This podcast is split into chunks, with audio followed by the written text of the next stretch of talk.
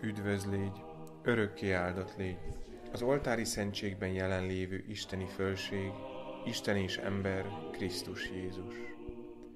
Minden áldás élők útfeje, menj és föld Ura Istene, akit az angyalok, mint odafenn az egekben, úgy imádnak az oltári szentségben.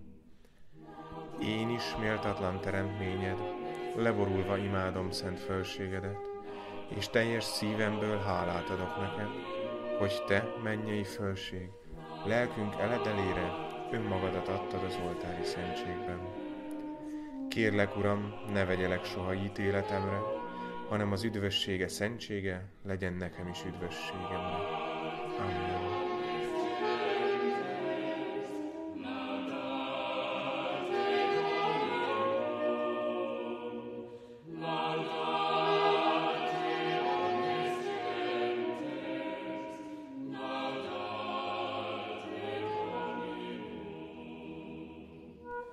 Minden forráson belőled fakad. Az evangelizáció iskolája. Első előadás.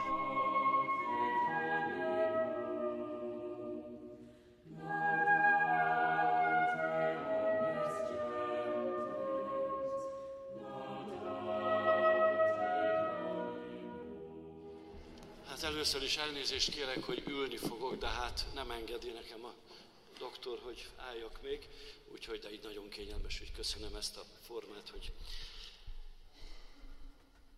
hát nincs könnyű dolgom azzal, hogy ezt a 9 részes evangelizációs iskolát elkezdjem. Egy kaput kell most kinyitnunk, amin beléphetünk abba, hogy mi is az evangelizáció. Kezdeném egy nem túlságosan jó hírrel. Nemrégében az Új Ember újságban megjelent a vatikáni statisztika. Egy egész oldalon keresztül részletezik a világegyháznak a számadatait, és ebből csak két momentumot emelnék ki. Az egyik, hogy Afrikában, Ázsiában, Ausztráliában nől a hivatások száma, Európában csökken. Ezen túl egy még riasztóbb adat is benne van ebben a statisztikában, mi szerint Németországban egy év alatt 200 ezer katolikus hívő lépett ki az Szent Egyházból. Ezek nem jó hírek. Most felolvasnék egy 1944-ben egy hindu költőnek egy versrészletét. 44-ben íródott a következő. Krisztus, néz körül Európában, nem kell lesz már, nem hiányzol. Fordulj inkább kelet felé, jöjj át a tengere hozzánk, mi szeretünk és várunk. Hát itt tartunk. És ezért nagyon szép dolog, hogy van egy evangelizációs iskola, és ha csak valami piciben is, de ha elindulunk, előrelépünk, akkor az kedves lesz az Úristen előtt. Az én témámnak az a címe, hogy az evangelizáció forrása. Tehát vissza kell mennünk valahova a legelejére az időnek, és a fogalomnak is. Talán fogalom a szó, hogy evangelizáció az is megér egy mondatot. Összeszámolta valaki, hogy legalább 40-szer szerepel a Bibliában, az Új Szövetségi Szentírásban görög eredetű szó, hogy evangelizáció, de az egyházi gyakorlatban nem nagyon használtuk egészen újabb időkig. Talán valamikor a 70-es évekbe kezdődött a szónak az a fajta használata, mint gyakorlat, hit, térítés vagy a hit továbbadásának a gyakorlata. De azután már megszületett az új evangelizáció fogalma is, második János Pál pápától, ő pedig ezt 80-as évek elején használta először. Voltak rokonszavak, hithirdetés, misszió, hit továbbadás, sok minden más, sokrétű szó, de az evangelizáció az valami nagyon nagyot jelent. Az egy sokkal gazdagabb fogalom, mint ezek a részek. Valóban az egyháznak az az elsődleges küldetése, hogy továbbadja a hitet, ige hirdetésben, a szentségek kiszolgáltatásában, a karitász ügyein keresztül, és minden, amit az egyház szolgálata végez, az része az evangelizációnak. És az evangelizáció nem csak egyházi feladat, nem csak arról van szó, hogy az a papoknak vagy az egyházban hivatásukat végzőknek a dolga, hanem az ennél is sokkal szélesebb fogalom. Az evangelizáció nem csak ége hirdetés, és nem csak azokat, amiket felsoroltam, hanem egy nagy teljesség az evangelizáció. Sok ága van és sok része van, van vannak az evangelizációnak hordozói, vannak az evangelizációnak lépcsőfokai, feladatai, területei, alapelvei, módszerei és nagyon sok minden más. Ezekről lesz szó majd az elkövetkező nyolc nagyszerű előadásban, részleteiben. Ma egyetlen feladatunk van, hogy elmenjünk egészen az evangelizáció forrásáig. Egyetlen szó, az evangelizáció forrása Krisztus. Ő minden evangelizációnak a forrása, ezért ma róla kell elmélkedni, elsősorban nekünk és magunk számára, akik készülünk evangelizálni. Nagy segítségem lesz az a 27 éves vagy még több életmű, ami mögött szeretetünk személye, Szent második János Pál pápa áll, aki valóban az ő szolgálatával életével, szenvedésével megmutatta azt, hogy mi az, hogy evangelizáció. Ő fog nekünk ebben a fél órában segíteni.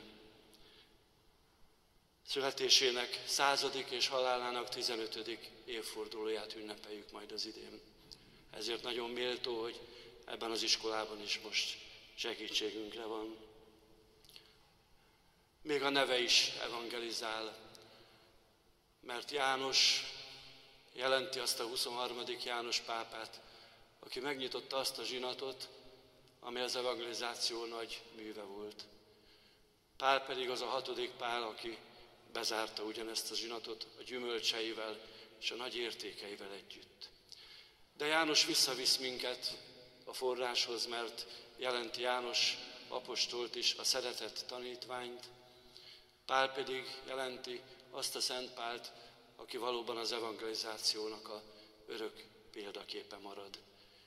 És ott volt a kettős név, az a rövid pápasági első János Pál, aki pár szinte csak egy hónapon keresztül ezt a kettős névörökséget vitte tovább, és ezt végezte aztán második János Pál pápa 27 évig. Az első, ami ide kívánkozik az evangelizáció forrásához, az az ő legelső beszédének egy részlete. Amikor őnek elhangzott az első pápai beszéde, akkor éppen missziós vasárnap volt azon a vasárnapon. És azzal kezdte, hogy elment Péter sírjához, Szent Péter sírjához. Onnan indult el a Szent Misére. Ez is evangelizáció. És a beszédét ezzel a mondattal kezdte, te vagy a Krisztus, az élő Isten fia. És elmondta, hogy ezt a mondatot, ezt nem a test és a vér, hanem egy mennyi atya akarata nyilatkoztatta ki. És úgy írja, először ezeket kell elmondanunk és meghallgatnunk testvérek. És utána a beszédének a központi gondolata az a nagyon híres pár mondat, amit szerintem mindenki ismer, amely így hangzik, ne féljetek Krisztus körül összegyűlni. Ne féljetek, nyissátok meg, sőt tárjátok ki Krisztus előtt a kapukat. Ne féljetek, Krisztus tudja, hogy mi lakik az emberben, de egyedül ő tudja ezt. Engedjétek tehát, kérlek benneteket, alázattal és bizalommal kérlek, hagyjátok, hogy Krisztus beszéljen az emberhez. Egyedül nála vannak az élet, örök, az örök élet igéi. Hát az evangelizáció forrásában ez van, hogy nekünk megtapasztalni azt, hogy személyesen hozzám beszél Krisztus folyamatosan, nap mint nap. És ez hordoz életet adó igéket. Ezért kezdte ő is Krisztussal. És emlékszem a filmjelenetre, milyen csodálatos az, amikor ő kiment oda a térre, ott a több százezer hívő között, közé, és az első mozzanata, még mielőtt megszólalt volna, az az, hogy azt a pásztorbotot, amin, ami, ami Krisztus keresztje, föltartotta ott, és ott az a sok százezer ember föl tudott tekinteni rá. Akkor az a kereszt az egész világnak a középpontjában volt. És ezzel kezdte a működését. És ezek után egy évvel később megírta az első enciklikáját, aminek a címe is Krisztusról szól, Redemptor Hominis, az ember megváltója Krisztus. Ez egy olyan iránymutató írás, 41 éve született, amely mai napig is az evangelizáció forrásának óriási anyaga és óriási segítsége, úgyhogy én ezért ezt választottam egy pár gondolat erejéig, hogy mit gondolt ő a forrásokról. Mint minden elmélkedő és kereső ember, föltett egy nagy kérdést az írásának az elején, következőképpen hangzik. Mit kell tennünk és merre kell haladnunk, hogyan ismertessük meg Istennel azokat, akik tele vannak kérdéssel, és nem ismerik még őt. Nagyon összevág a mi, mi feladatunk. Mit kell tenni, merre kell haladni, és hogyan. És azt írja, hogy egyetlen mondattal válaszolom meg, következőt mondja, érzelmileg meg kell rendülnünk, akaratunkkal és szívünkkel Krisztus felé kell fordulnunk, aki a mi megváltunk. És utána idézi az apostolokat és Pétert, akik szintén így vannak, hát kihez menjünk, Uram? Az örök életet adó igék nálad vannak. Az a 200 ezer német hívő, aki ott hagyta az Anya Szent Egyházat, azok nem az egyházat hagyták ott, hanem Krisztust. Magunkon kell elkezdeni az evangelizációt, és nekünk kell a forrásokhoz elmenni.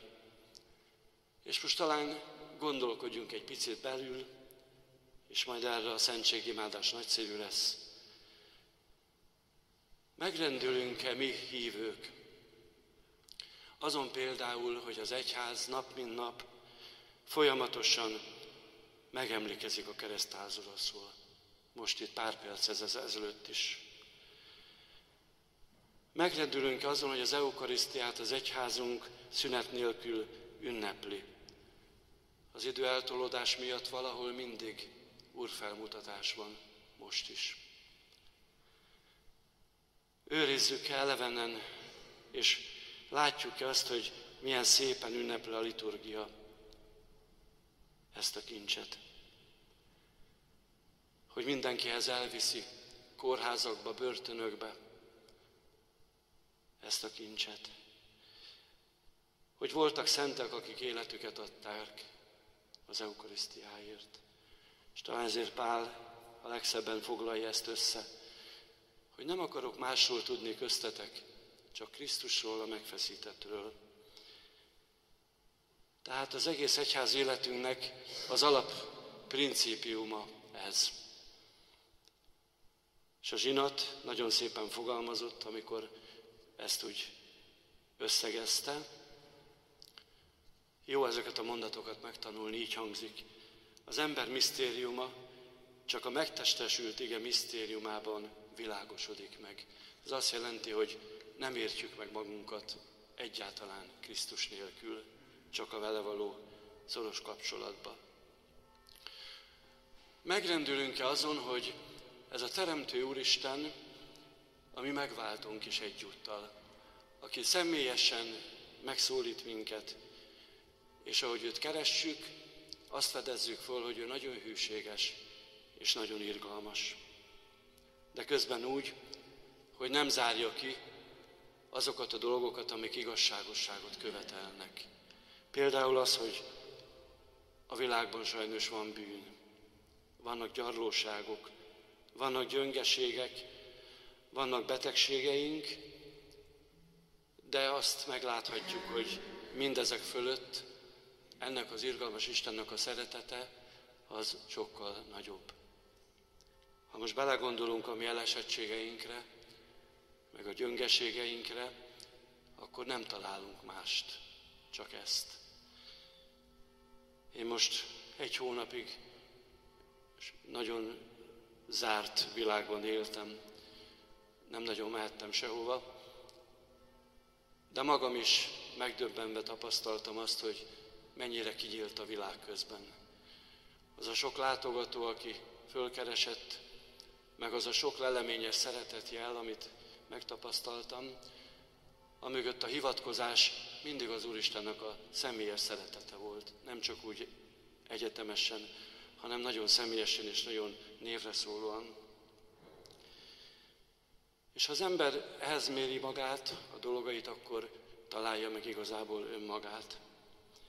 Ezeket most azért mondom, hogy mielőtt elindulunk evangelizálni, ezeken lépjünk be ezen a kapun.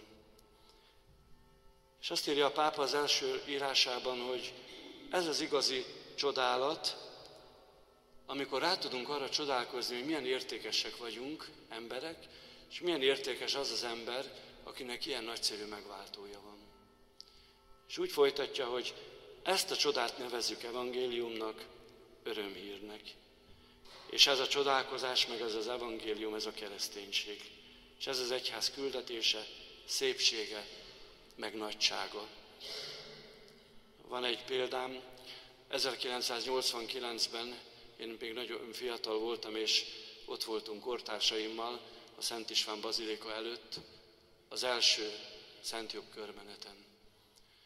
És akkor abban az időben, bizonyára erre sokan emlékeznek, ez egy nagyon nagy jel volt, és az maradt meg bennem konkrétan, hogy azokkal, akikkel ott voltam, azt mondták, hogy, hogy ha ez az egyház, amit itt most látunk, akkor ez nagyon szép és nagyon erős. És ez azért nagyon jó volt, mert benne volt ez a szó, hogy szép.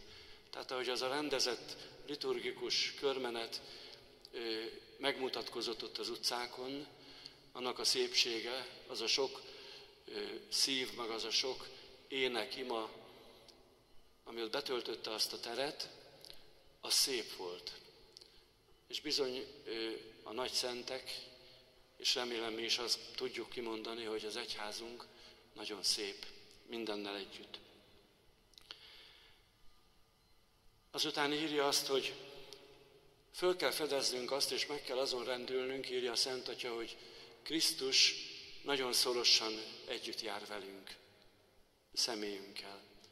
Úgy van, ahogy a népénekünk is olyan szépen mondja azt, hogy vándorlásunk társa lett ez a Krisztus. Most nézzük Szent Ágoston életéről a filmet gimnáziumban. Nagyon-nagyon szép film, és van benne egy gyönyörű jelenet, amitől nehéz elszakadni. Ágoston megtérése és keresztelője után édesanyával, Monikával állnak a tengerparton. Nagyon szép az operatőri része, hullámok vannak, meg nap süt. És nagy csönd van, és akkor megszólal Mónika, hogy most már meghalhatok, nyugodtan, mert elértem azt, amire mindig is vártam, hogy megkeresztelhesselek téged. Ugye Ambrus püspök kereszteli meg őt.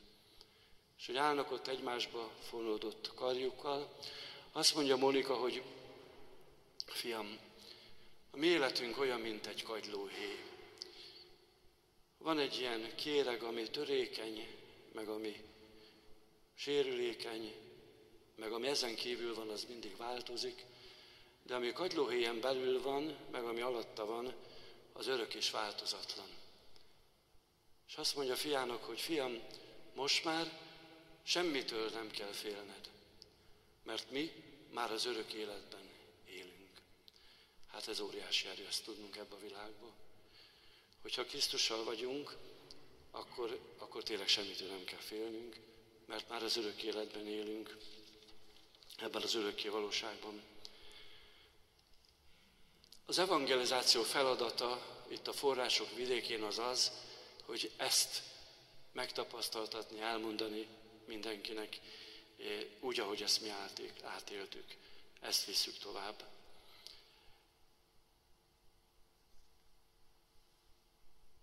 Krisztus velünk járja ezt az utat, és szétszakíthatatlan ez az egység.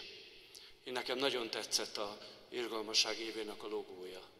Az, ahogy Krisztusnak a vállán ott volt az az eltévedt bárány, nagyon erősnek látszott a keze, amivel tartja, és közös volt a tekintetük, mert a szemük úgy volt ábrázolva nagyon szépen. Nagy ereje volt ennek a képnek. És hogy a füzetünk is írja, hogy emögött az a nagy tapasztalat áll, hogy emögött élet van. Örök élet, az az élet, ami megjelent.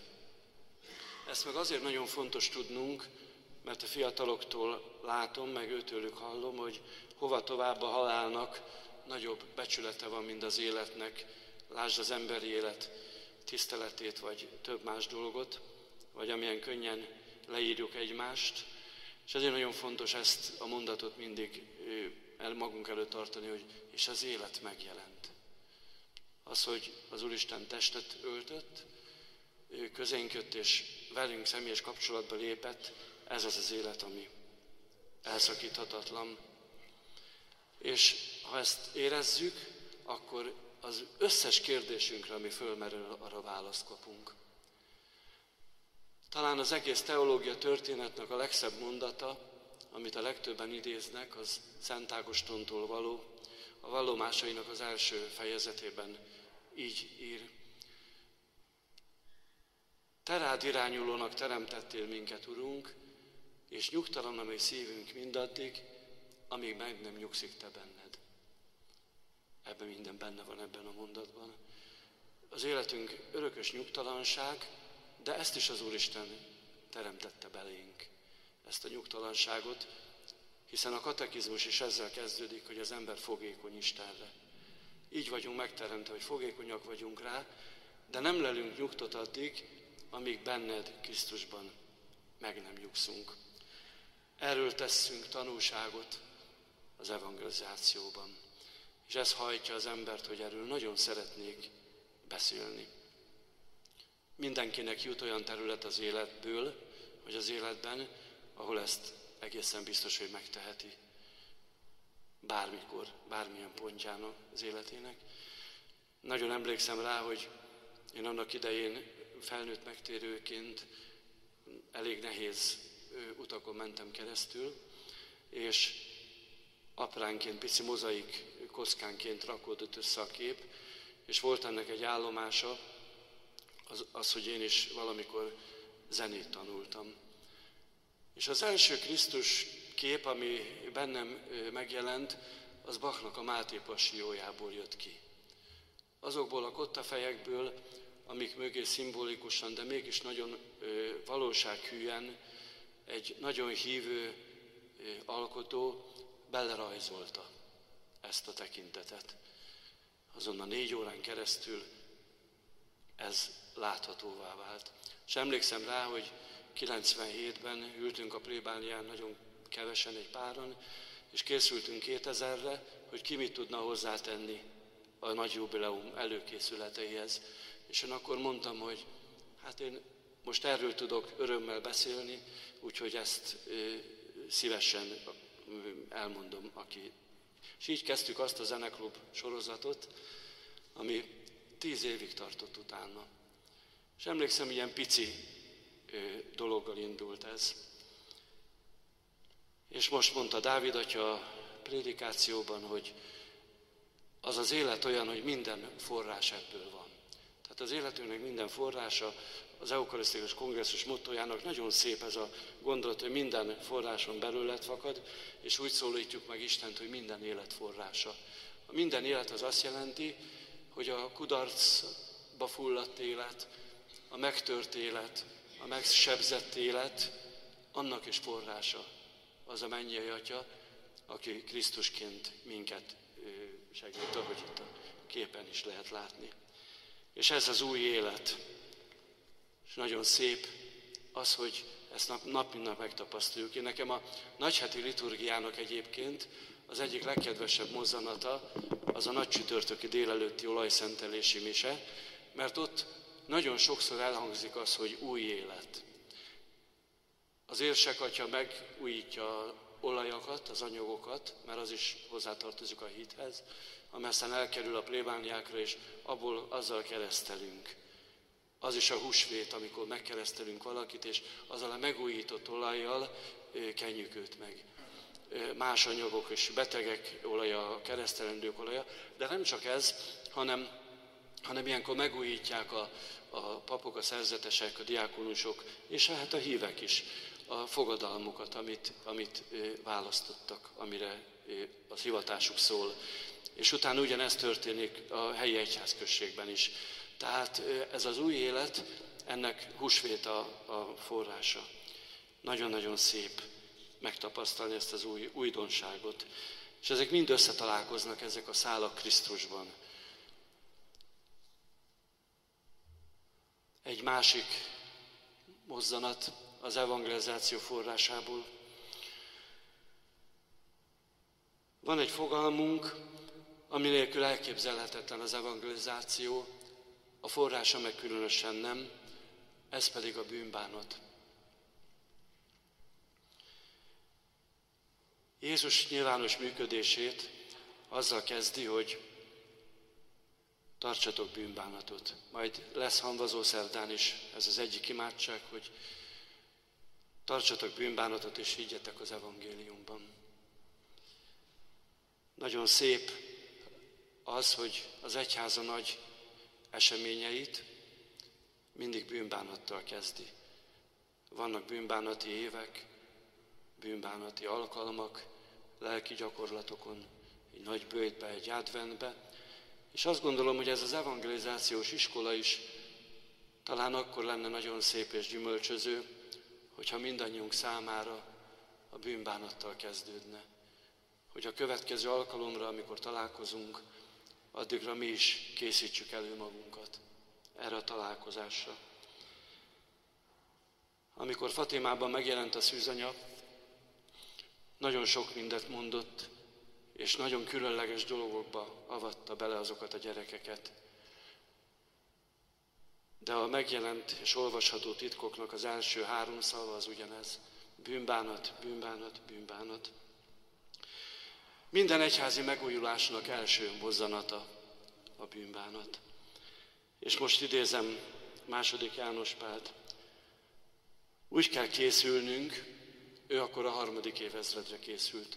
Most ide betehetjük zárójelbe. Úgy kell készülnünk az evangelizációra, hogy az eukarisztia és a bűnbánat egyházává kell lennünk. Mert az az élet, ami megjelent, és amivel mi kapcsolatban vagyunk, és az a küldetés, amiben ezt az életet továbbadjuk, az annak a forrásában ez van. Egy forrás természeti képként is attól szép, hogy tisztaság van a környékén. A forrásvíz az mindig, mindig tiszta. Nem olyan könnyű oda eljutni, ezt is a pápa gyönyörűen megfogalmazta, hogy ha a, forráshoz, ha a forráshoz akarsz eljutni, akkor felfelé kell haladnod az árral szemben. Ebben is minden benne van ebben a mondatban. Mivel jár a forrásoknak a felkeresése, és ilyen nagy mű, mint az evangelizáció, kell, hogy hordozza ezt a fajta feladatot, ezt a fajta küzdelmet, hogy eljussunk ahhoz a forráshoz, aki Krisztus. A bűnbánatunkhoz lehet meríteni nagyon sok mindenből, elsősorban az egyház liturgiájából, aki meghív erre minket a szentségeken keresztül, de nagyon nagy erőt képviselnek a szentek élete, akik megélték a bűnbánatot előttünk. Én nekem egyetlen egy személy jutott most eszembe, és első ránézésre nehezen találjuk meg, hogy hogy kerül ő ide. Ő Kortonai Szent Margit, aki az 1200-as években élt, nagyszerű asszony volt, kilenc évig élt egy gazdag herceggel. Nagyon szerette. Sok pénze volt, ékszerei voltak, és ez az asszony, aki nagyon szép volt, nagyon szeretett, hízelegni ezek között a értékek meg kincsek között. És kilenc ilyen év után egy alkalommal a herceg elment a kutyát sétáltatni, és két nap múlva hazajött a kutya nyűszítve, és Margit kiment az erdőbe a kutyával, és megtalálta ennek a hercegnek, az ő párjának a szétdarabolt, agyonszurkált, összeszabdalt testét. És ráébredt arra, hogy, hogy milyen volt ez az élet. Nagyon mély vezeklésbe fogott, és volt neki egy nagy vágya. Az volt a vágya, hogy megérje azt, hogy Krisztus lányomnak szólítsa őt. És egyszer egy alkalommal hallotta Jézus hangját, azt mondta neki, hogy nem tudlak tégedet lányomnak nevezni, mert, mert a bűnnek a lánya voltál idáig. És még nagyobb bűnbánatba fogott, egész kortona megrendült attól, amit láttak. Az igazi bűnbánat az tanulságtétel. És elvégezte a szentgyónását hosszú idő után, és másnap a szentátozáskor reggel misén hallotta a hangot, azt mondja neki az Úristen, hogy lányom. És utána elmesélte valakinek óriási lelketesedése, hogy hallottátok? Azt mondta nekem, hogy lányom. Jézus nevezett így engemet, hogy lányom. Nekem ez nagyon szép ez a történet. Megtapasztalni azt, hogy személyesen azt mondja nekünk Jézus, hogy lányom vagy fiam. Még egy utolsó szempont, ami ide kívánkozik a forrásokhoz, ez pedig az imádság. Nagyon fontos az is bűnbánat után, mert azt írja a pápa az ő levelében, hogy a nagy tettek azok csak az imádságból születnek. Azért, és ez nagyon bölcs lelkipásztori tanács, mert megóv minket attól, hogy veszedelem legyen az, amire jó szándékkal készülünk. Hát ugye mögött van az a lelkipásztori tapasztalat, amit azt hiszem talán Terész fogalmazott meg, hogy vigyázz, hogy az Istenért végzett munkádban el ne veszítsd az Istent. Tehát vigyáznunk kell az evangelizáció útján, hogy mi magunk is evangelizálhatók lehessünk Krisztuson keresztül. Ezért írja így a pápa, hogy a nagy tettek imádságból születnek, ami megóv minket a nehézségektől. Ennek a fordítottja is igaz természetesen, hogy akkor viszont óriási erőt kapunk, óriási lendületet és óriási nagy ö, örömöt, aminek a tükrébe bátran elindulhatunk majd evangelizálni. Még egy utolsó gondolatot szeretnék idehozni. 16. Benedek pápa, amikor megírta első enciklikáját a hit évével kapcsolatban, akkor azt írta, hogy tulajdonképpen a keresztény élet nem más, mint egy nagy találkozás. De nem egy módszerrel, hanem egy személlyel, Jézus Krisztussal. Ezért ő is így mondja, hogy az igazi evangelizáció az egy találkozás egy személlyel. Záróképként belső gondolatnak fölidézném a szűzanyát, mert második János Pál mindig a szűzanyát idézte meg minden művének a végén, aki mindennek a példaképe. Pünkösdi festményen látjuk, hogy az apostolok közösségében hogyan imádkozik és hogyan várják a Szent Lelket.